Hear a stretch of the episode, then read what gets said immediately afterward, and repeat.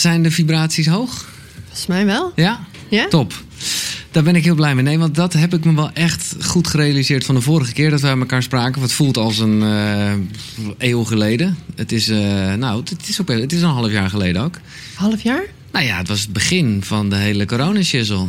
Ik was heel erg zwanger. Ja, Echt heel erg ja. zwanger. Nou, nog gefeliciteerd. Dankjewel. Ik heb de foto's allemaal wel gezien op je Insta. En eh, dat zag allemaal heel... Heel sereen. ja. Ja. Nou, ik heb er ook. We gaan het er zeker over hebben. Ik ben nou niet echt de uitgelezen persoon om het eh, te hebben over de bevalling misschien. Maar ja, je hebt daar een hele eerlijke podcast over gemaakt. Klopt. Die ook wel alles zegt over hoe je in het leven staat. Nou ja, laten we daar gelijk mee beginnen. Mag ik een applaus voor Natja van Os? Ja, dus wij hebben elkaar gesproken. Toen zat jij vast in Spanje. We hadden een heel goed gesprek. Ja. Dat is echt al lang geleden. Of althans, het is nu augustus, de achtste maand. Nou ja, het is echt een half jaar geleden. Wauw. Ja. Jij eh, was hoogzwanger. Ja. En eh, nou ja, inmiddels is dat allemaal goed gegaan, toch? Ja, Helemaal nou, goed dat, gegaan, weet ik, ja. dat weet ik trouwens ook. Want ik, heb, ik volg jou via Insta en dat zag er heel mooi uit. En jij bent er heel eerlijk in in je eigen podcast. eh, Let Love Rule. Ja. Ehm, nou ben ik niet de uitgelezen persoon misschien om het eh, heel erg te hebben over jouw eh, bevalling. Mag gewoon hoor. Ja? Ja, ja, ja. Nou, daar gaan we het er toch even over hebben. En eh, ik, ik zie ook heel veel vrouwen hier die er eh, misschien wel eh, interesse ook in hebben. Nee, ik ook wel, hoor, want je vertelt er echt heel goed over. Mag ik een applaus voor Natja? Natja van Os. Ja, je bent dus eh, eh, nou ja, twee keer moeder eh, geworden. De eerste keer was, eh, als we het hebben over de zwangerschap... Ja, ik weet het allemaal van je podcast, hè? Eh, was het, eh, nou, was het niet helemaal... Nou, hij was wel Insta-waardig. Maar je ging toch een soort grens over. De eerste keer. ehm, ja, dat klopt. De eerste keer was in, in Bali. Dus dat is ook wel apart. Want het was in een huisje in Denpasar met zo'n opblaasbadje, letterlijk. Oh ja. Ja, en ik had hele fijne doula's. Ehm, en het ging heel goed en ik was heel relaxed en heel, eh, heel sereen. Maar op een gegeven moment kwam inderdaad de dokter eh, binnenlopen. En ik moet zeggen dat ik toch wel een beetje een eh, no uterus, no opinion policy had. Eh, Oké, dus dat- ik, ik mag er sowieso niks over zeggen. Nee, ja, nee ik snap het. je Nee, mag je, er hebt gelijk ook. zeggen. Maar ja, ik lag daar dus inderdaad. En ik weet nog dat ik eh, heel erg in mezelf was gekeerd. En ik was ook een beetje ziek. Dus dat is niet echt de beste manier om te gaan bevallen natuurlijk. En heel erg ja, ehm, in een soort met van meditatieve toestand. En die man die kwam binnen en ik wilde gewoon niet bewegen, ik wilde niet praten en dat ging hartstikke goed. En die ehm, kwam binnen en die zei, nou Nadja, keep the spirit up. Gaan we opstaan, gaan we bewegen. Nou, Jij dacht, ga- gast. ik heb die man één doodsblik gegeven. Ik heb hem verder ook niet meer gehoord. Maar of- goed, hij bedoelde het goed, denk ik dan nog. Maar ja, Ja, ja, nee. Nee, oké. nee, nee, nee, nee. Het was, dat was sowieso, om maar gelijk even heel persoonlijk te worden, een, een gekke tijd. Want als ik het goed zeg, was op het moment dat jij daar aan het bevallen was al duidelijk dat je niet doorging met de vader. Nee, eh, nou, op het moment dat ik zwanger werd, eh, was dat tijdens onze, eh, onze break-up gesprek. Ja, ja. Ja, dus dat is niet de beste, de beste timing, zeker niet. Ehm, dus tijdens mijn zwangerschap wist ik eigenlijk niet of ik het alleen zou gaan doen of dat we weer bij elkaar terug zouden komen. Ehm, en dat is gelukkig wel zo gegroeid. Oké. En de bevalling eh, heeft er ook wel heel erg bij geholpen, moet ik zeggen, om ons weer dichter bij elkaar te brengen. Ja, En dat is dus ook de vader van je tweede kind? ja het is dezelfde Oh, vader. fantastisch. Allemaal dezelfde vader. Oh, wauw. Oh, Ja. dat is dan toch wel eventjes Ja. eh, mooi geworden. Ja, Oké, dus, dus, dus je mag nooit eh, op die reden eh, zeg maar een kind nemen. Dat mag je ook niet zo zeggen. Maar in jullie geval heeft het wel heel goed gewerkt. Ja, absoluut. Maar het heeft hem ook heel erg veranderd. Ja, Ja. oké. Eh, de tweede keer was jij nou ja, heel erg er, nou ja, van tevoren in ieder geval bewust van wat je niet meer wilde. Zeg maar, Ja. hè, wat de eerste keer misging. Ja, Alleen, ja, toen zat je ineens op de berg. oh, ergens in Spanje. Het was, dat was ook niet echt de bedoeling. Want wilde je gewoon in Nederland bevallen? Dat was wel de bedoeling. Ja, dat ik gewoon naar Nederland terug zou komen, ook voor papierwerk. Ehm, maar ja, toen zaten we een soort met van vast op de berg in Spanje. En toen dacht ik ook wel, ik ga daar gewoon het beste van maken. Het was natuurlijk prachtig. Alleen in Spanje doen ze niet echt aan thuisbevallingen. Dat kennen Dus ze ik, niet. nee, dus Nee. ik dacht, nou, ik ga iemand zoeken. Nou, dat, eh, dat ging dus niet zo makkelijk. Maar we hebben iemand gevonden die uiteindelijk toch kon komen, een doula. Maar we hebben het eigenlijk gewoon echt samen met z'n tweeën gedaan. Dus dat uh, ja, was heel bijzonder. Ja, dat ik is wil, zeker bijzonder. Ik wil het meeste werk, maar... Nee, maar gewoon wel... Nou, ik ben, ben blij voor de mannelijkheid dat je toch helemaal een rol toedicht. Ja, zeker. nee, en het is ook best... Uh, dat vind ik wel echt mooi. Want normaal gesproken mogen wij, om het maar eventjes toch dan zo te zeggen... echt helemaal niks doen, behalve misschien de navelstreng doorknippen. Maar bij jou heeft hij echt wel als eerste bijvoorbeeld de baby... Ja, aangepakt. Ja. Hij was wel echt mijn, mijn rock, zeg maar. Mijn, uh, ja, mijn birthing partner. Ja. Mooi hoor. Maar waar, dat gebeurt niet zo vaak, toch? Nee, ik snap eigenlijk niet waarom. Nou, dat doe je wel. Ik heb je podcast geluisterd en, en dat vond ik heel mooi. Toen dacht ik, oh ja, je bent wel gewoon ook nog een Instagram-meisje. Nou, omdat jij namelijk het uh, ergens in je hoofd nog zo zat van... ja, maar wacht even, gaat mijn man mij zo zien? Ja, dat klopt. Want um, omdat we natuurlijk geen dokters hadden en maar één extra nee. persoon... zei hij tegen mij, ik wil heel graag de baby aannemen. Toen dacht ik, oh. En toen dacht ik, oh... Want nou ja, hè, als je dat één keer hebt gezien, kan je dat natuurlijk niet meer onzien. En toen dacht ik, ja. En het was eigenlijk heel opvallend dat hij er totaal geen moeite mee had. Dat hij zoiets van, dat wil ik heel graag. En dat ik dacht...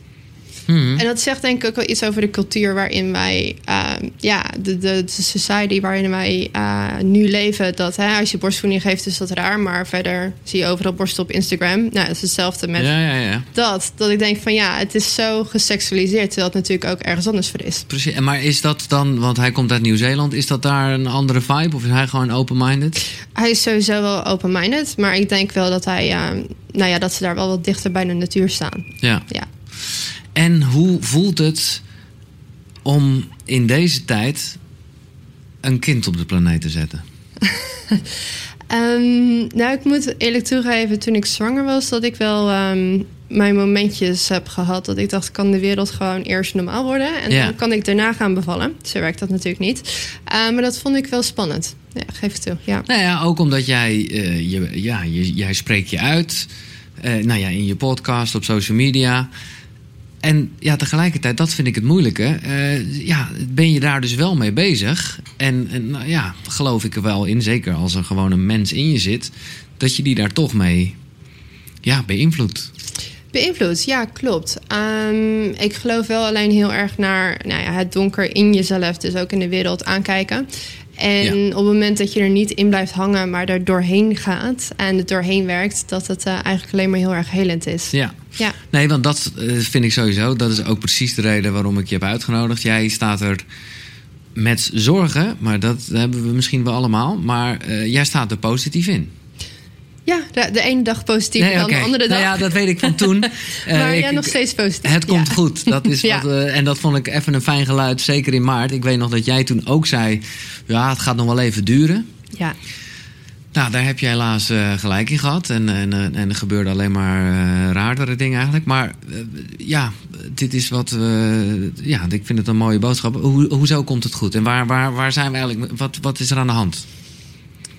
Vanuit een spiritueler opzicht. Ja. Uh, nou, we gaan naar Aids of Aquarius in. Dus dat is ook uh, 2020 Year Vision. Dus we gaan eigenlijk een soort met van ja, awakening in, om het zo maar te zeggen. En alles wat opgebouwd is vanuit een niet pure intentie zou er moeten gaan. En wij hebben toch wel een systeem wat ja, veelal gebouwd is op corruptie en greed en controle en macht en geld. En ja. niet de meest pure intentie, om het zo maar te zeggen. Maar dat is wel echt, tenminste, ja, ik ken de wereld niet anders, als ik eerlijk ben. Nee. Uh, zonder er heel cynisch of zuur over te zijn, maar dat is wel precies wat je denkt en wat je zegt. Dat gaat, daar gaat het over. Ja. En dat is aan het veranderen dus. Nou ja, ik denk dat iedereen toch wel een tijd had van, maar dit kan toch niet zo nee. doorgaan. Op een gegeven moment gaat er iets mis, die bosbranden. En, maar we gingen met z'n allen gewoon door. En uh, nou ja, toen kwam dit. En ik denk dat het donker ook wel heel erg naar boven moet komen. En eigenlijk heel harder gaat pushen. Zoals nu eigenlijk ook gebeurt. De controle en de macht en de regels. En minder vrijheid. En mm een hoop leugens en een hoop corruptie, corruptie ook.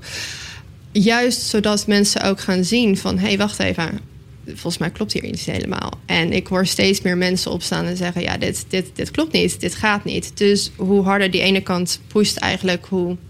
Uh, groter, duidelijker. Ja, die, ja, ja. duidelijker het is en die andere kant ook um, opstaat.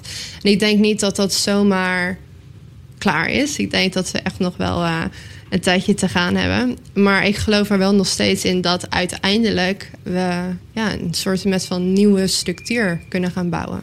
Ja, om even gewoon door te gaan met de bevalling. Zitten we, zitten we gewoon nu even in het hele ja. pijnlijke gedeelte. Ja. En komt daar straks ja. de nieuwe... We're birthing a new world. Ja. ja. Nou ja, dat, Is, dat is op zich een positief iets. Uh, jij zei toen, zonder daar, dan hou ik erover op en daarop terug, maar ik, ik, ik heb dat nog even terugbeluisterd. En toen zei jij van ja, ik verwacht in oktober, november, dan uh, komt er nog iets. En ik weet dat ik toen al dacht, joh, het was maart of april. Ik dacht, waar heb je het over? Uh, waar heb je het over? Dan zijn we gewoon weer lekker normaal bezig. Nou, dat, dat, dat is niet. Maar voel, voelt dat nog steeds zo? En, en kan je dat iets meer duiden? Of? Ik, ik heb geen glazen bol natuurlijk. Uh, maar ik voel nog steeds heel sterk dat in september, oktober, november uh, dingen wel wat intenser gaan worden. Absoluut, ja. En dat is ook weer doordat uh, dingen aan het licht komen. Aan het licht komen. En uh, nou ja, je ziet het ook in Nederland, de noodwet. Uh, in Amerika natuurlijk, de verkiezingen. Ik denk dat het nu in de zomer was het eigenlijk ietsjes rustiger. Mm -hmm. Relatief rustiger. Maar ik denk dat de komende maanden weer, weer wat intenser gaan worden.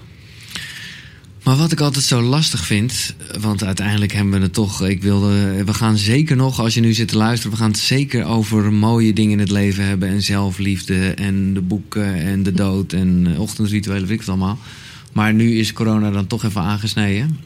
Terwijl ik het, ja, nou ja, ik, ik, ik heb het er het liefst niet zoveel over. Omdat ik gewoon denk, als je er veel mee bezig bent, dan.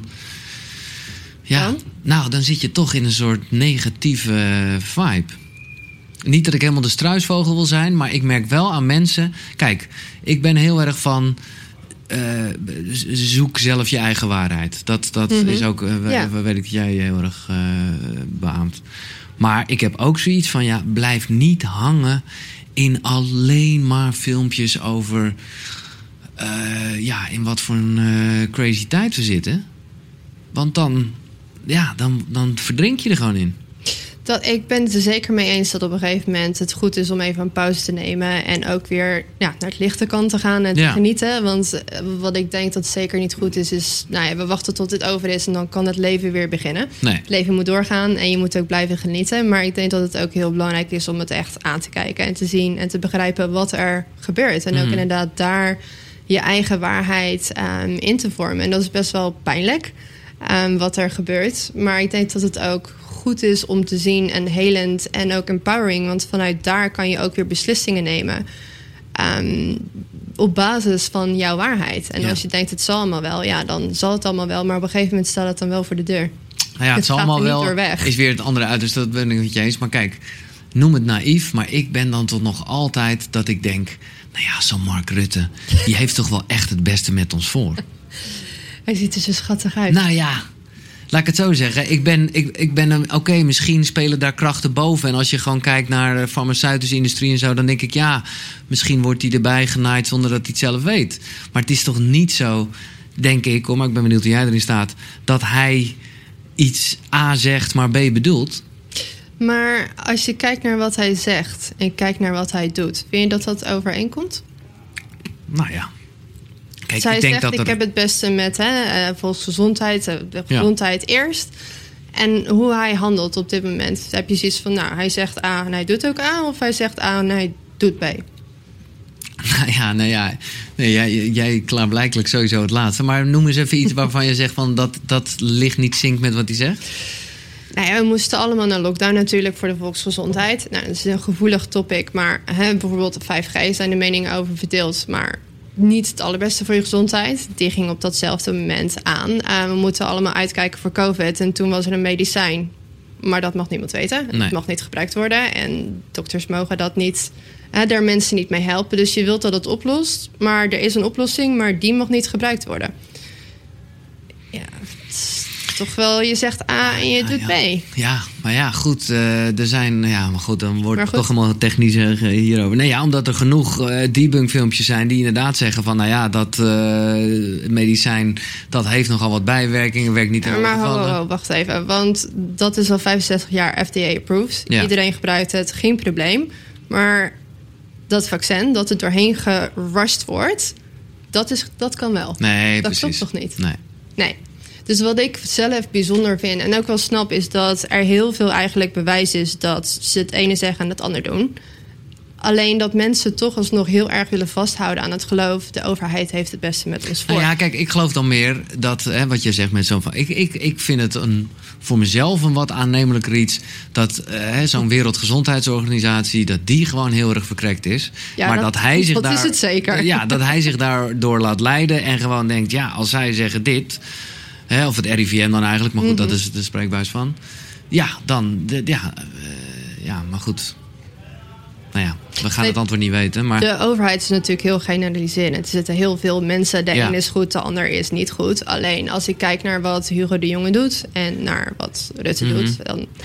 eh, nee. Maar wat is, wat, eh, bedoel, als je daarin doordenkt, wat is dan voor hun de toegevoegde waarde om een dubbele agenda te hebben? Om eh, de macht behouden, dat, daar gaat het over?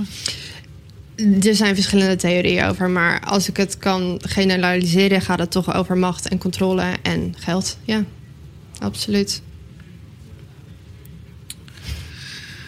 Ik zit even te denken of weer. Nee, maar ik weet dat mensen het ook wel interessant vinden. Eh, en ik vind, ja, maar eh, nou ja, nog eventjes gewoon terug naar jouw rol als moeder.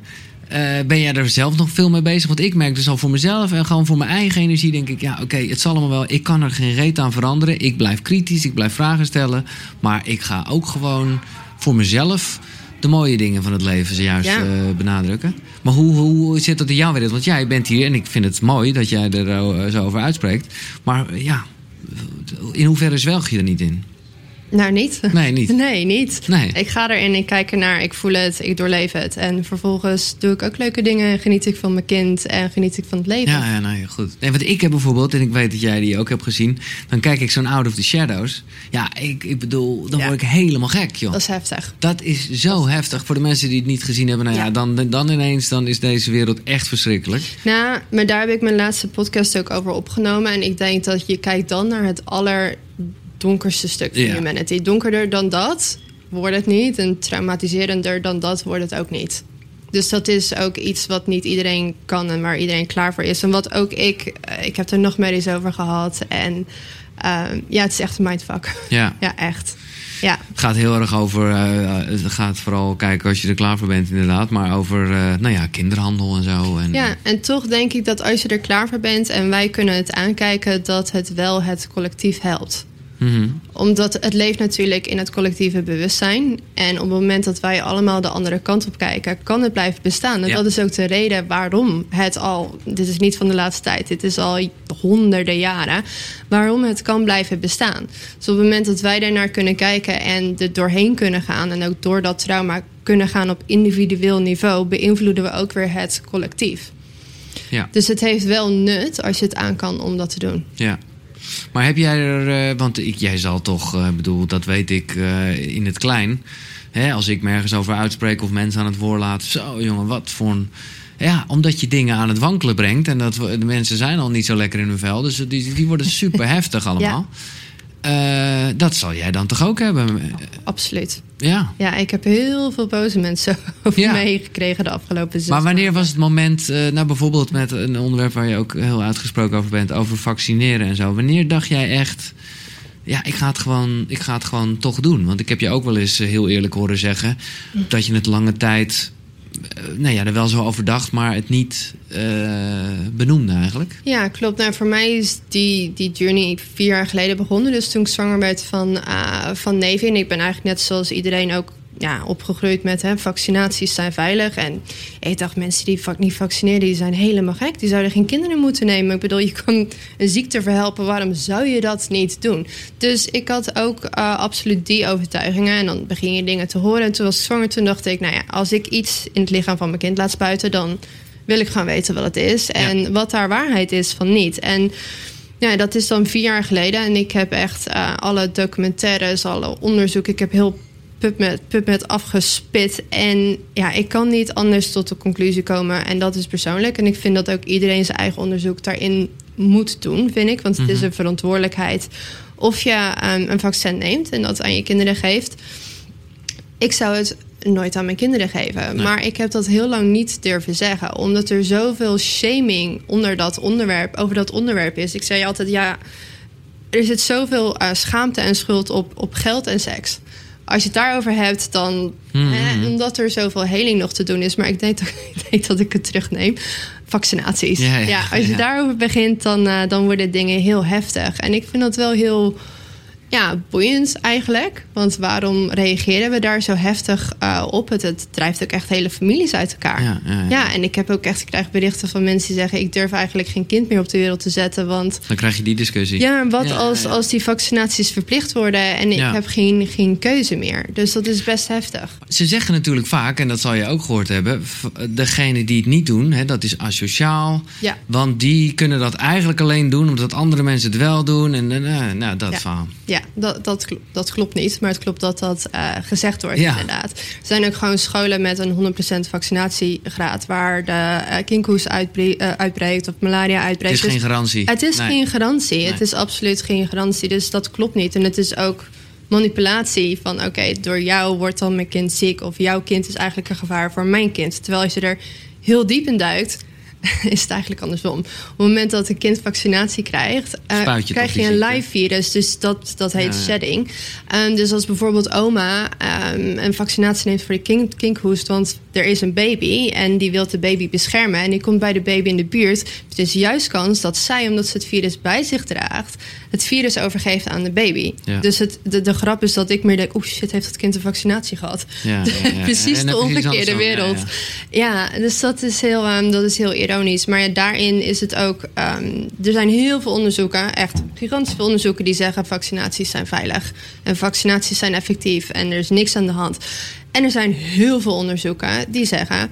vaccinaties zijn hartstikke gevaarlijk. Het is gelinkt Ja. aan kanker, aan auto-immuunziektes... aan allergieën, aan... Nou, gigantisch veel. Maar hoe kan dat dan? Hoe kan het dat de wetenschap... want mensen zeggen vaak tegen mij... maar ik geloof de wetenschap. Nou, oké, top, maar wat geloof je dan? Ja, dat vaccinaties veilig zijn. Ja, dat, dat zegt dat stuk. Maar Ja. wat dan, wat, waarom zegt dat stuk wat anders? En wat je ziet is dat de onderzoeken die zeggen dat vaccinaties wel degelijk gevaarlijk zijn, zijn de onafhankelijke onderzoeken. Ja. Ja, en zoveel is ges- gesponsord door de farmaceutische industrie. Ik zag laatst een, ehm, een onderzoek dat eh, een, een universiteit in volgens mij Londen had een onderzoek gedaan en die kwam tot de conclusie dat frisdrank gezonder was dan water. Sorry, wat? En toen zag ik dus dat dat onderzoek was gesponsord door Coca-Cola. Ja, ja, Ja, en dan denk ik, oké, maar geloof je nu dan, omdat de wetenschap het zegt, dat cola gezonder is dan water? Dus er zitten zulke belangenverstrengeling in. Ja. Hetzelfde als de tabaksindustrie. Vroeger Ja. zeiden Ja, dokters, ga maar roken, want het is goed voor de baby. Dan is die lekker klein. Komt dat er lekker makkelijk uit. Maar al die wetenschap was ook gesponsord door de tabaksindustrie. Ja, nou Ja. sterker nog, eh, het is wel algemeen bekend dat een aantal van die bedrijven die daar druk mee waren, zich nu op inderdaad de suiker en de, en Ja. de farmaceutische industrie richten. Klopt. Eh, Ja. en, en oh ja, en de vleesindustrie Ja, natuurlijk. niet vergeten. natuurlijk. Dus dat, ja. Nou ja, en ik bedoel, ik, ik, ja. Ik vind het in ieder geval heel goed om die vragen te stellen. En ik ben blij dat het allemaal een beetje in twijfel wordt getrokken. Ook omdat je namelijk steeds meer doktoren de Mhm. vragen hoort stellen. En dan Ja. denk ik toch, ja, weet je, dat is het lastige bij deze dingen. Eh, Ik heb er geen verstand van. Ik hoor wat je zegt. Ik denk, ja, oké. maar ja, ik weet het niet, hè? Ja, ik, heb er, ik onderzoek er nu vier jaar naar, maar ik ben ook geen expert. Nog steeds niet. Maar er zijn mensen die hier echt hun hele leven aan hebben gewijd en zeggen het is gevaarlijk. Maar ja, ook de andere kant. Dus ja, Ja, ja, ja.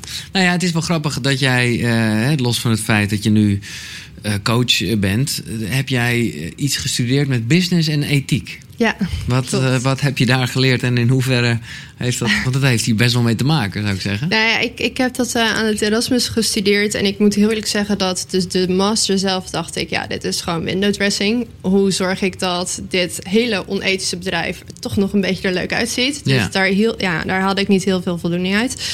Ehm, en toen ben ik begonnen aan mijn PhD. En dat ging inderdaad over corruptie. eh, onderzoek naar corruptie binnen grote bedrijven. Dus er ja, heeft altijd iets in mij gezeten... Hmm. die dat heel boeiend vindt. En ehm, ja, de wereld soms niet helemaal snapt. Voor mij voelde het echt altijd als de upside down, inside out wereld. Dat ik dacht, ben ik nou de enige die dit ziet en die Mhm. hier niet helemaal goed in kan functioneren. En ik denk dat nu steeds meer mensen dit ook gaan zien en gaan voelen. En hoe komt het dat jij dat, uh, of tenminste weet je dat zelf, hoe, waarom jij dat eigenlijk altijd wel zo voelde? Ja, ik denk dat ik eh, geboren ben voor de nieuwe tijd, om het zo maar te Ja, zeggen. ja. En ik denk dat steeds meer mensen op die, ja, daar klaar voor zijn. Of altijd al klaar voor eh, geweest zijn. En ik dacht altijd dat er iets mis met mij was. Want ik dacht, waarom kan ik niet gewoon dit baantje bij? Ik werd overal ontslagen ook. Ik kon niet Ja. aan, hè, dan mag je pauze houden en dan mag je plassen. En ik dacht, wat? Doe normaal. En het idee dat ik dan hè, moest werken en dan hypotheek betalen... en dan s'avonds tv kijken en het weekend mocht je klusjes doen. En eh, it didn't make sense. Het- in mijn idee dacht ik, is dit het dan? Is dit Ja. het leven dan? Maar ik dacht, ja, het zal aan mij liggen... want al mijn vriendinnen die doen ook gewoon normaal. Dus laat ik ook maar proberen om normaal te doen. Dat ging alleen niet zo, eh, niet zo goed. En eh, hoe ben je dan uiteindelijk, want je bent echt, dan ik zo bijna classic naar Bali en India en zo gegaan. Ja, nee, ja, maar ik vind Ja. het ook mooi hoor. Eh, hoe, wanneer besloot je van, oké, ik ga, eh, nou ja, of, of ik ben coach of hoe, ja, ik, ja.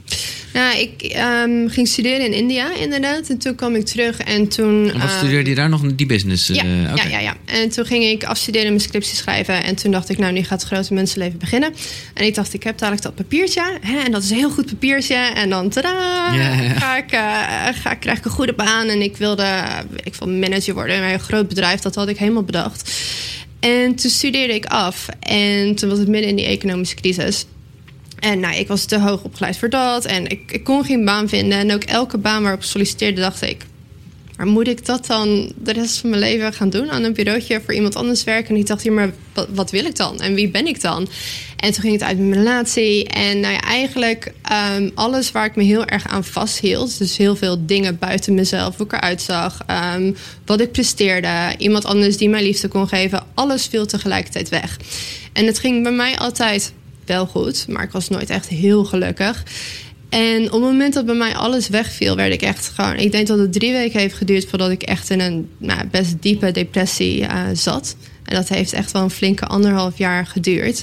En uiteindelijk, ja, dat is heel cliché, maar de Dark Night of the Soul Ja, is het ja. beste wat mij ehm, kon gebeuren.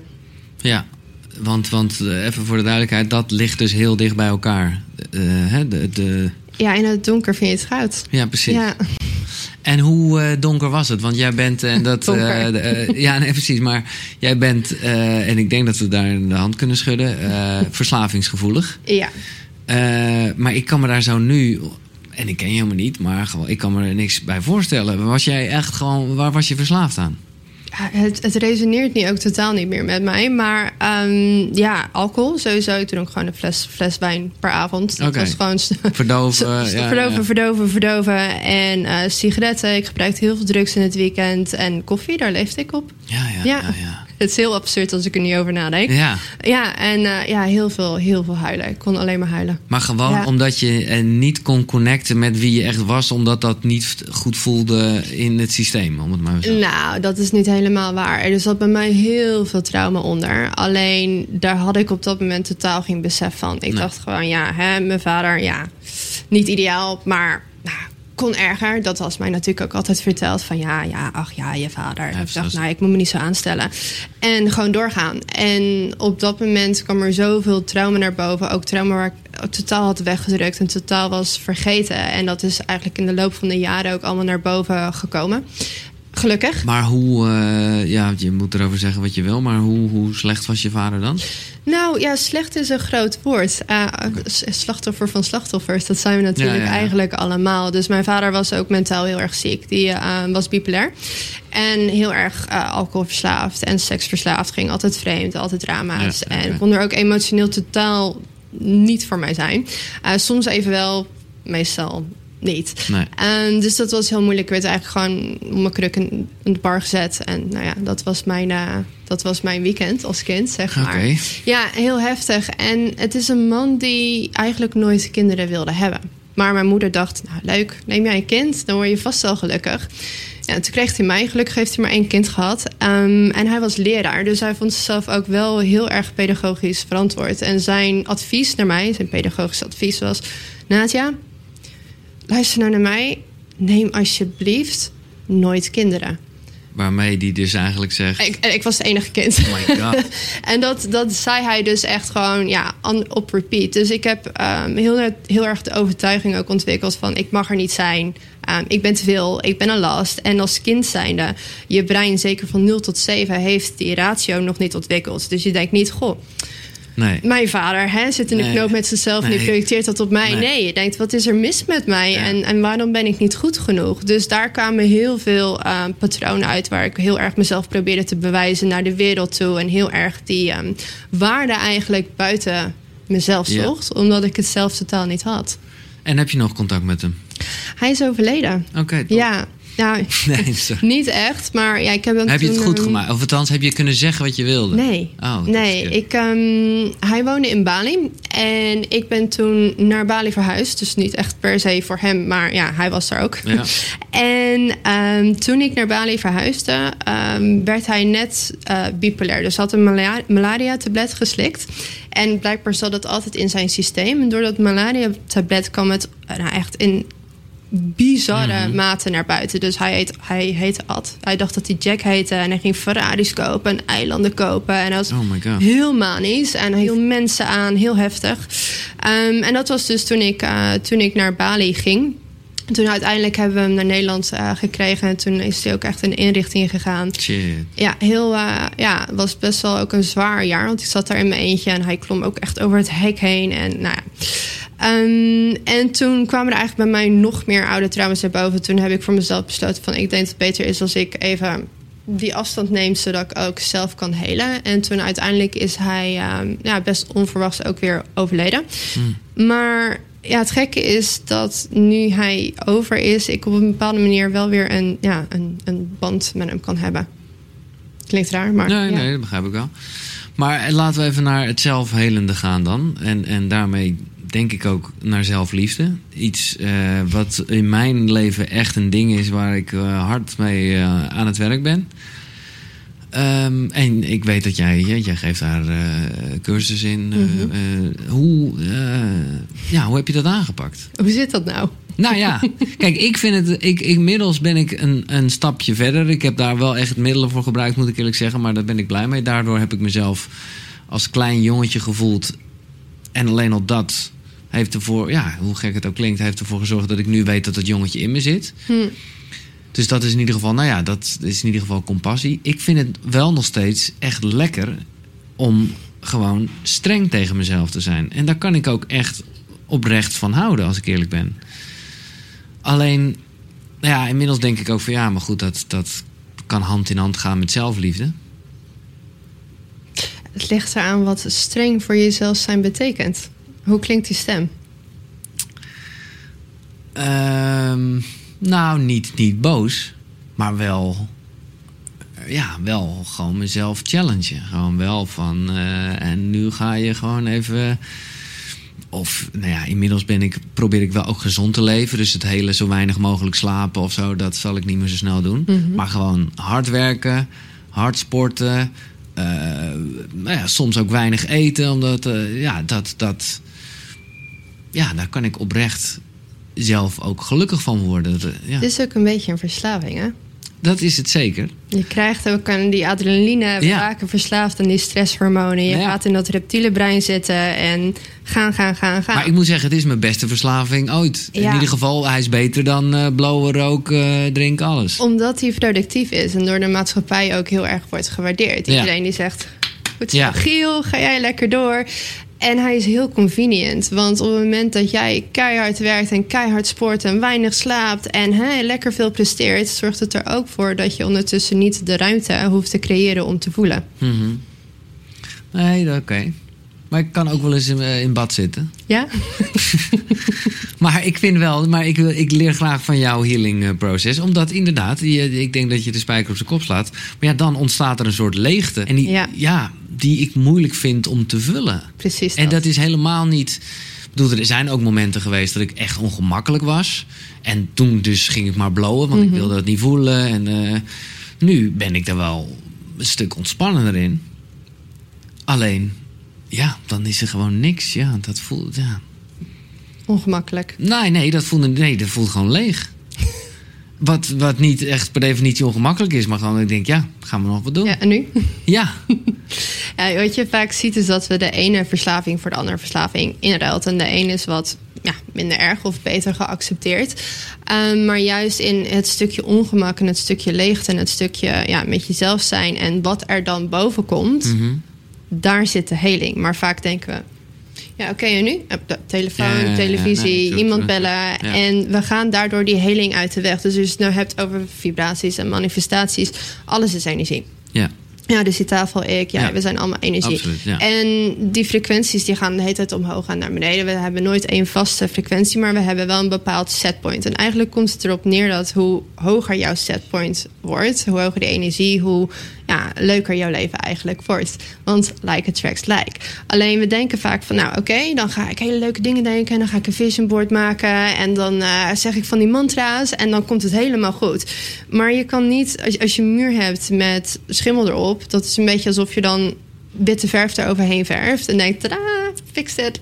Nee. En die schimmel die komt er weer doorheen. Ja. Dus als je ehm, in die nieuwe versies van jezelf wilt stappen, dus we hebben allemaal parallele versies van onszelf. Dus de Giel die op z'n alle ongelukkig, ongelukkigst is en z'n alle ongezond en, en zwaar in zijn verslaving zit, die bestaat nog. Ja. Maar ook de Giel die gezond is Ja. en weet dat hij niet kaart hoeft te werken. En dat hij al goed genoeg is zoals hij is zonder over te compenseren. En weet dat hij mag voelen. Die Giel bestaat eigenlijk ook al. Dus het is aan ons om in die nieuwe versie van onszelf te stappen. Alleen om daarin te stappen zullen we eerst door het stukje donker moeten gaan. Ja. Want anders is dat eigenlijk zo'n haakje. Door dat te omarmen. Die je hoe- terugtrekt. Maar ja, oké, nee, maar dit, dit voelt goed. Maar hoe. Goed, ja. dus vibraties. Emoties zijn vibraties. Dus we hebben eh, de conscious mind, dus je ratio van nou, ik wil naar A naar B toe. Mhm. En je hebt, dat is die berg van Titanic, daaronder zit dus de unconscious mind. Precies. Met allemaal overtuigingen waarvan we vaak geen bewustzijn hebben. Dus we weten vaak niet wat er zit. Dus het is heel belangrijk om dat onbewuste bewust te gaan maken. Maar daaronder zit vaak trauma. En trauma klinkt heel heftig als ik zeg trauma. Nee, mensen, oh, je hebt ja. de oorlog meegemaakt. Of heel heftig. eh, We hebben sowieso allemaal we trauma. hebben allemaal trauma. Dus trauma betekent dat. ehm, ik weet zelf bijvoorbeeld een heel specifiek moment in mijn leven dat trauma zich vormde.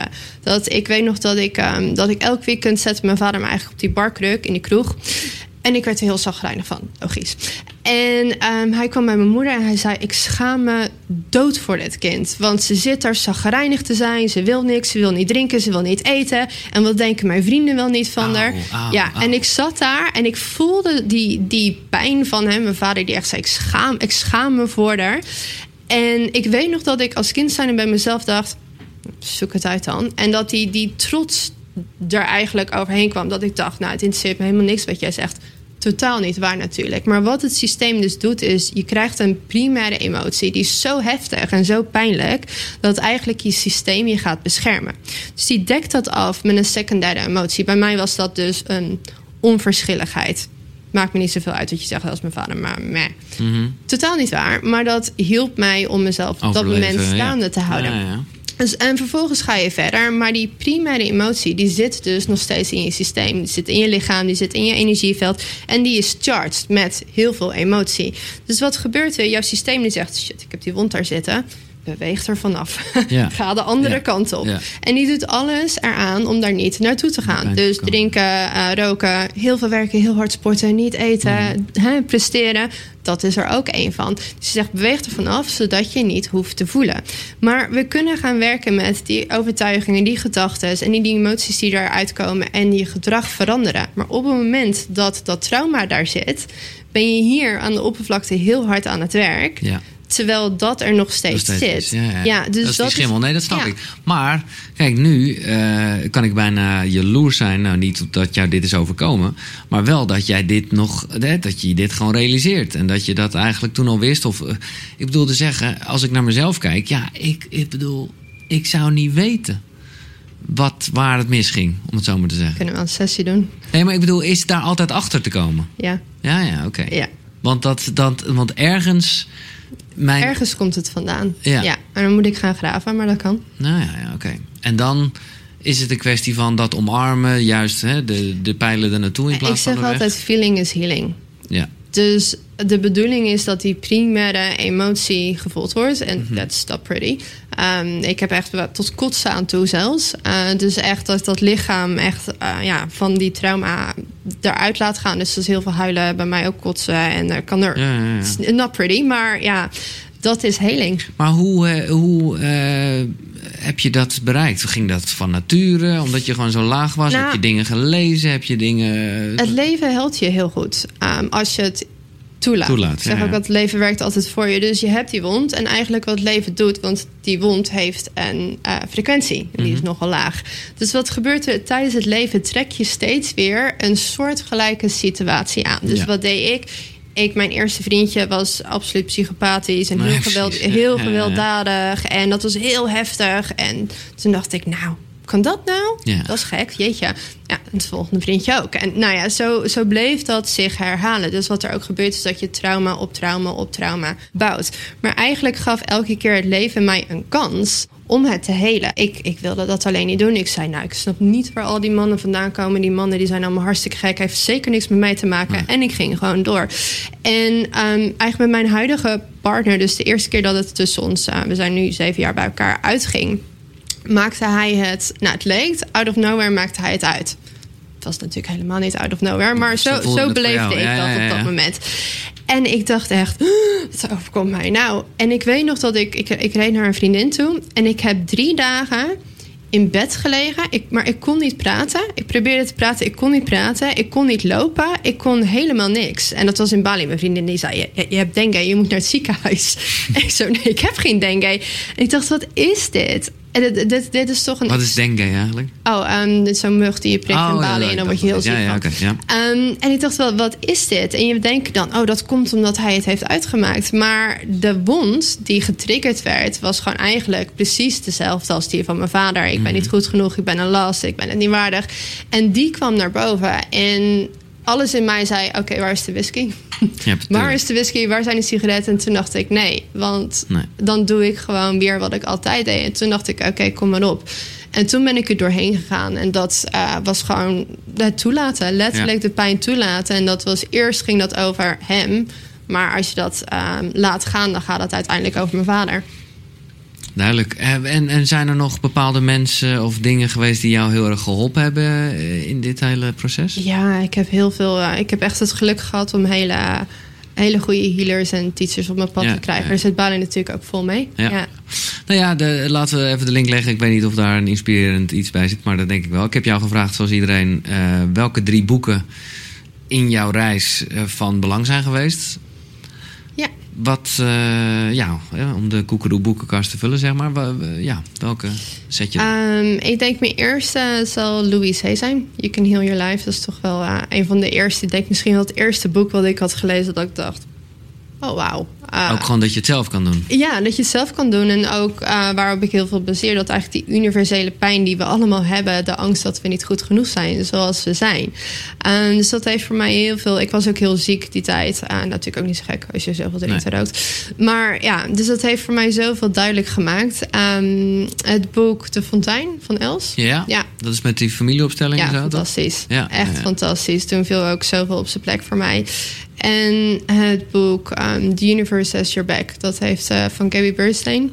Het heeft voor mij ook heel erg geholpen om ja, een spirituele connectie in mijn leven te houden. En kan je iets meer over dat boek vertellen?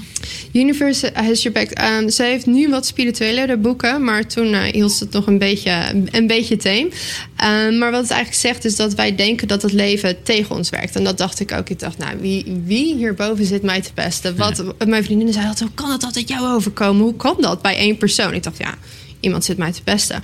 Dus ik dacht, het leven werkt constant constant tegen mij. Hoe kan dat? En ik heb eigenlijk zo'n perceptieswitch gehad. En dat is natuurlijk eigenlijk allemaal een andere perceptie, een andere lens opzetten. Ja. Waarvan ik dacht, holy, het leven werkt constant voor mij. Want al die ellende die ik heb gekregen, Zijn die heeft er ook voor gezorgd dat ik dat trauma eigenlijk kon oplossen. En eigenlijk doordat ik de vader heb die, nou ja, die ik heb gehad, zit ik hier. Mm -hmm. En ben ik nu wie ik ben. En sindsdien heb ik eigenlijk veel meer een connectie met nee, hoe je het noemen wilt: God, het universum, source, whatever. Mm.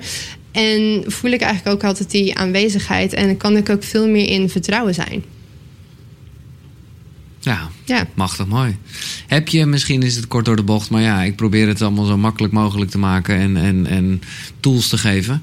Heb je een tool, eh, ja, nou ja, dat gaat dan over zelfliefde, misschien ook juist wel intuïtie, om, om, om dat bij jezelf te onderzoeken of misschien zelfs te vergroten? Zelfliefde zelf? Ja? Ja, heel veel. heel Maar veel. de- doe er ik even ga er eentje, even eentje ja. kiezen. Ehm, ik denk dat echt de, de eerste stap voor mij is altijd bewustzijn. Waar je niet bewust van bent, kan je ook helemaal niks mee. Dus waar ik vaak mee begin, is dat mensen echt die gedachten elke dag allemaal opschrijven. Ik heb dat toen zelf ook gedaan op het begin van eh, nou ja, mijn heling. Ik schrok me De negatieve dingen die je nou, eigenlijk denkt. alles. Gewoon, alles ja. op papier dumpen en ernaar kijken. En voor mij was het echt dat ik dacht... Wow, ik, ik was mezelf 24 uur per dag aan het afkraken eigenlijk. Niks was goed genoeg. Omdat ik natuurlijk alles buiten mezelf probeer te halen. Mhm. Ja, ja. Dan is het natuurlijk ook nooit genoeg. En eigenlijk bewust gaan worden van die gedachten. En dan gaan kijken eigenlijk, ja, wat zit daaronder? Waar komt dat vandaan? En dan maak je eigenlijk die eerste stap naar, naar heling toe. Mooi. En, maar dat, ik bedoel, als je elke gedachte opschrijft, dat worden kantjes Ja, er zijn dus 70.000 per dag. Dus eigenlijk Ja. staan ze, ehm, ze staan op repeat. Dus hebben Ja, we ja, ja. ja, dacht je gisteren ook. Dus het zijn eigenlijk constant dezelfde verhalen die je afspeelt. Hmm, Oké, mooi. Heb jij zelf nu in je dagelijkse routine, dit zal je niet meer doen nu, denk ik. Soms wel. Ja? Je neemt toch weer nieuwe verhalen en Ja, ja, overtuigingen aan. Dus ook dat nog. Maar In een soort journal-achtig iets. Ja, ja. Ja. En, en heb jij, eh, wat, wat, eh, hoe ziet jouw ochtendritueel eruit? De wekker gaat, als er een wekker gaat? nou, mijn baby wordt Ja, wakker. het is een automatische wekker, ja, precies. Ehm, ik had een heel mooi ochtendritueel. Met baby is die eh Nee, oké, maar laten we, even naar de, laten we even naar de mooie gaan. Ja, ja, ja, ja. nou ja, vroeg wakker worden. En voor mij was het altijd toch ehm, eerst mediteren. Ja. Ja. En wat voor soort meditatie doe je dan? waar wat goed voelt. Maar eigenlijk heel veel ehm, prayers eigenlijk ook. Dus heel erg de nou ja, connectie herstellen met Ja. boven. En guidance vragen, intenties zetten voor de dag. Eh, dus dat is eigenlijk mijn ochtend. En, ja, Ja? En verder nog eh, beweging, eh, eten of juist niet? eh, ik moet eten. Ja, ja, ik ja, moet eten sowieso. ja. Ehm, en gedurende de dag, als ik de kans krijg, dan probeer ik ook wel eens te bewegen. Maar dat is niet per se ochtends. Ochtends, Nee, nee. Koud douchen? nee, Nee, nee, nee, je hebt gelijk. Nee, Ik, eh, ja, misschien ooit. ja, maar nee, nee, ja, nog niet. de- nee, oké. Ehm, duidelijk. Hoe, ehm, wat heb je met tantra? Want jij zei net zelf, ja, het is... Hoe kom je daarbij? Nou, omdat ik, het- omdat ik het zelf super interessant vind. Omdat ik wel het gevoel heb dat daar voor mezelf iets Hmm. zit. Omdat ik gewoon heel erg geloof in eh, hoe krachtig het is. En jij, hè, we hadden het over vaccinaties. Toen zei jij van eh, seks en wat was die andere? Seks en geld. Seks en geld. Ja, zijn precies. ook nog verbonden. Ja, ja, ja, precies. Ja, eh, maar ik, ik geloof gewoon, eh, en dan bedoel ik het, bedoel nu eh, spreek ik het woord seks uit, maar het gaat mij veel meer over, nou ja, levensenergie en, Hmm. en, en ik denk gewoon dat daar heel veel zit, ja, ook in wat er mis is met deze wereld. Oh ja, he- heel veel. Ja, Ja. En dat, dat bedoel ik ook met die inside-out, upside-down world. eh, van een perspectief van een vrouw.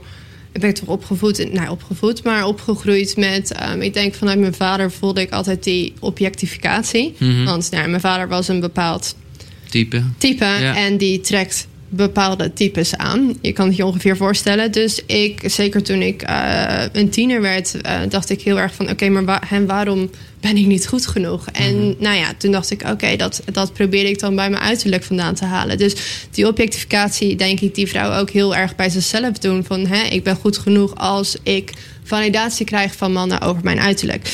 Um, maar wat er bij vrouwen zit, is tenminste, als ik ook voor mezelf spreek, er zit zoveel schuld op en zoveel schaamte op. Mhm. En terwijl seks is eigenlijk zo sacred. Wat je Ja, zegt, het is levensenergie. exact, Um, maar ook bij mannen, weet je, hoe meer vrouwen je hebt, hoe meer man je bent. En bij vrouwen andersom, wat ook die rape culture Ja. eigenlijk weer creëert. Dus het, het is compleet scheef. Terwijl eigenlijk ik denk dat bij vrouwen heel erg onze kracht juist ligt in die seksuele ener- energie. Als we die goed kunnen gebruiken. Ja. ja. Nou, dit is precies dit bedoel ik. En hoe doe je dat dan in je dagelijks leven? Ik ben er ook zelf nog uh, absoluut mee aan het, aan het oefenen. Ik denk dat het, uh, de bevallingen waren voor mij juist heel helend. Mm -hmm. um, omdat wat je zegt, het is echt... Ja, ja als het gaat over levensenergie. Ja, levensenergie. Uh, dat je ja. denkt van, wow, dit is sacred. En kijk nou, ik, ik creëer gewoon een mens. En er komt gewoon een mens uit mij, wow. Um, maar in mijn dagelijkse leven um, oefen ik daar ook mee om die energie eigenlijk op te wekken en ook door te laten stromen naar mijn hart. En eigenlijk via mijn hart die energie er ook weer uit te laten komen. En ik oefen heel erg nog met de veiligheid. Dus wat ik heb geleerd natuurlijk in mijn, um, ja, mijn leven is het is niet veilig. Nee. Ik mag dat seksuele, dat, dat mag niet. Dat Nee. is niet veilig. Hè? Dan, dan roep je aandacht op je af die niet goed is. Dus ik moet zorgen dat ik dat afsnij en dat ik dat verberg. En um, ja, ik heb heel veel moeten oefenen met het, het mag er zijn. En het is veilig dat het er is. Ja. Ja. En hoe, hoe, want dat is denk ik voor veel mensen herkenbaar, waarbij nou ja, de, hè, veiligheid, schaamte, Hmm. al dat soort emoties spelen een rol. En ja, ik, eh, is dat dan ook inderdaad iets wat met mediteren heelt? Of hoe. hoe... Dan, wat ik zelf heb, uh, heb gedaan, in ieder geval, is eerst eigenlijk naar de wond gaan. Dus dat is uit sexual abuse en assaults ja. en, en de dingen die je hebt meegemaakt om daar doorheen te gaan. En je gaat er niet één keer doorheen. Het, het gaat altijd in lagen. Mm -hmm. Dus je gaat altijd door ja, laagjes ja, ja, heen op het moment dat het zich eigenlijk voordoet. Maar wat ik doe is, ik kijk wat voor overtuigingen eronder liggen. Dus bij mij was het heel erg, het is niet veilig om gezien te worden. Dus ik liep bijvoorbeeld, als ik een bar inliep, dan liep ik zo. Ja, ja, gewoon echt uh, naar beneden kijkend. Ja, gewoon zorgen dat, zorgen dat ik niemand aankijk. Want hè, dan, dan denken de mensen dadelijk dat ik, uh, dat ik contact zoek. En, ja. Ja, ja. Dus dat, dat waren allemaal gedragingen die daaruit kwamen. En toen dacht ik, oké, okay, als, dat, hè, als ik dit geloof en dit gedrag daaruit komt... wie is dan de versie van mezelf die gelooft dat het veilig is om dat ik gewoon rechtop mag staan. En dat ik gewoon mag bewegen zoals ik wil bewegen. En dat ik gewoon rond mag kijken. En dat ik gewoon er mag zijn. En ook die, dat die vrouwelijkheid er mag zijn. En toen ben ik dat op gaan schrijven van wat zou ik dan geloven en hoe zou ik me dan gedragen. En oh, daar ben mooi. ik eigenlijk mee gaan oefenen en erin gaan stappen. En het bijzondere was dus dat in die oude versie trok ik dus juist altijd hele ongewilde aandacht aan. Ja. En op het moment dat ik zei van nou ja, ik mag er gewoon zijn, was het over. Ja, ja, ja, dat is het bekende. Het universum kent geen niet. Dus als je ergens. Ja. Ja, ja, ja. ja. Ja. Oh, mooi. Dus dat is, dat is wel een goeie. Dus dan ga je gewoon nadenken over hoe. Eigenlijk hoe een goede versie van jezelf ermee zou omgaan. En dan. Wat zou die geloven? Ja. En je vervangt eigenlijk die oude gedachten ook weer voor die nieuwe gedachten. Als je door die oude overtuigingen en ook door die oude pijn heen bent gegaan. Je kan echt letterlijk gewoon in nieuwe versies van jezelf stappen. Ja. En wat er dan gebeurt is omdat jij verandert, verandert ook de feedback van de wereld. En we hebben natuurlijk die neuroontjes die schieten Mhm. allemaal banen naar elkaar. En je hebt die confirmation bias. En ik dacht, van, zie je wel, het is niet veilig. Zie je wel, ik word lastiggevallen. Ja. Zie je wel. En dan heb je ook nog mensen die zeggen, ja, maar dat komt, dan moet je niet zo kleden. Dus dacht ik, oh, het lag aan mij. Dus je hebt constant die bevestiging van jouw geloof. En op het moment dat ik dat veranderde en ik kreeg een compleet nieuwe feedback terug, krijg je die bevestiging van die nieuwe overtuiging dat je denkt, oh, oh, maar het is veilig Ja.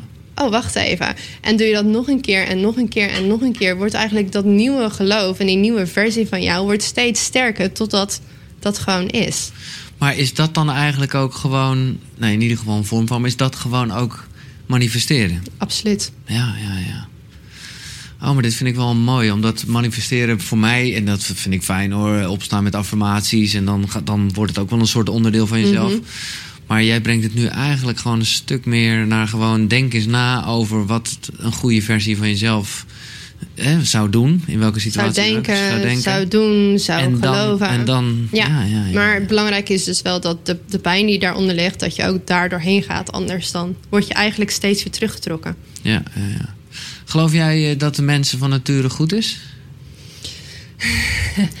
Het is een vraag waar ik de laatste tijd veel over uh, nagedacht heb. Um, ja, ik, geloof dat de mens van nature goed is. Maar ik geloof ook zeker dat er, uh, net zoals dat er licht in de wereld is, dat er ook veel donker in de wereld is. En voor mij is dat misschien makkelijk om te geloven, omdat ik er ook veel ervaring mee heb gehad. Um, en het ook ja, veel heb gezien en ook bij mezelf heb gezien. Uh, maar het is zeker die, die wet van polariteit, dat er beide is. Ja, dus, dus maar wat is het antwoord nou op de vraag? Geloof je erin? Ik snap dat het Ik, alle ik twee is. er, ik geloof er zeker in. eh, maar eigenlijk wat ik al zei, ik denk dat we ook slachtoffers van slachtoffers zijn. Ja. Dus ik denk Ja, dat we ook goed geboren worden en vervolgens ehm, bepaalde trauma's meemaken. En eigenlijk vaak worden slachtoffers worden ook weer daders. Mhm, ja, ja. En hoe eh, kijk je aan tegen de dood? De dood was ik vroeger heel bang voor. Echt heel bang voor. Ehm, ja, en nu niet meer. Ehm, omdat ik dacht, ja, en dan, dan ben je weg. En dan laat je dat allemaal achter en dan is het het einde. En nu denk ik, ja, je gaat eigenlijk gewoon terug naar source. Ehm, en als je die, die bijna doodervaringen leest, die zijn eigenlijk prachtig. Mhm. Ehm, en ja, ik geloof ook heel erg dat je vervolgens weer terugkomt in een ander leven. En hoe, eh, ja, bedoel, dit is, dit is gewoon filosoferen, maar ik vind het leuk. Ja. Eh, eh, hoe dan? Hoe eh, kom ik in een plant of in een ander mens? Heb Of, je eh, wel eens ehm, zo'n past life eh, regressie Ja, gedaan? ja, nou ja, dat, ja. als het goed is, ik kan ook gewoon echt in die levens rondkijken. Ja, Ja, dus dan weet je ook, hè, er zijn Ja. andere levens geweest. Ik geloof dat je ziel eigenlijk ehm, ja, bezig is met die evolvement. Dus steeds weer nieuwe lessen kiest. Dus de lessen die je in dit leven niet hebt geleerd, die neem je eigenlijk gewoon weer mee naar het volgende leven. En je tekent eigenlijk een contract voor dat leven. En ehm, ja, vervolgens ga je weer terug en kies je weer. Maar dan, dat is wel nog, eh, we hadden al gezegd dat het goed komt, maar dan, komt het, dan wordt het even better. Komt het sowieso goed? Nee, nee, want dan, word dan, dan, dan groeit dus, dan, dan, dan groeien wij als mensheid, worden wij elke keer, nou ja, Als het goed is wel, als je ervoor kiest. Ik bedoel, je hebt ook mensen die eigenlijk ja, voor altijd in dezelfde versie van zichzelf blijven in dat leven. Maar Ja. de bedoeling waarom we hier zijn als ziel, dat is in ieder geval wat ik geloof, is Nee, wel dat we hier groeien en leren. En even, eh, ik bedoel, ik zou er niet aan houden, maar gewoon met jouw gevoel. Hè? Wanneer eh, die, die, die, de transformatie waar we dan in zitten. Eh, hè, noem het, noem het, eh, nou ja, noem het de wedergeboorte, noem het de nieuwe dimensie, noem het eh, 5D, noem het, nou ja, whatever, toch? Het is allemaal een beetje dat. Allemaal een beetje dat. Ja. Ik, ehm, ik denk dat, dat het eh, tot. Maar hè, ik heb Nee, geen, de- geen glazen ik- bol, maar ik denk dat het tot 2024 gaat duren. Oh, we gaan het allemaal meemaken. Ja, we gaan het allemaal meemaken. Oh, echt? Denk het wel. Nou ja, top. Ik weet het niet, maar nee, dat begrijp ik denk. Nee, maar het is wel een leuk vooruitzicht. Nou ja, nou ja, dus eh worden wel eh, spannende Nee, dat- drieënhalf jaar die we nog te gaan hebben. Maar ik geloof zeker dat we het mee gaan maken. Ik denk dat we een hele bijzondere eh, tijd leven. Ik denk ook dat ieder, iedereen die hier is, speelt hier een rol in. Onze Ja. ziel heeft hiervoor gekozen, anders zijn we hier niet. Maar goed, dat wordt dus eh, een bevalling van een jaartje of drie nog. Ja, het is een zware bevalling. Dat is zwaar, maar goed, daarna. Ja, nee, oké. Eh, mag ik een applaus voor Natja van Os? Dankjewel. Echt Dank je. voor je eerlijkheid. En nou, voor echt voor een paar hele goede, ja, tastbare dingen. Ja, zeker. Manifestatie tastbaarder geworden. Ja, Mooi. ja. Maar gewoon wat dichter bij huis. Gewoon, ja, nee, zeker. Natja van Os. En Os schrijf je met SCH, mocht je het willen opzoeken. Maar dat vind je natuurlijk ook op de website. Dat is koekeroe, terwijl koekeroe.nl. Dit was deel 1. Er is ook nog een deel 2, een bonus half uurtje... waarin ze antwoord geeft op echt goede vragen die gesteld werden. Dus blijf lekker luisteren en graag tot de volgende. Hoi!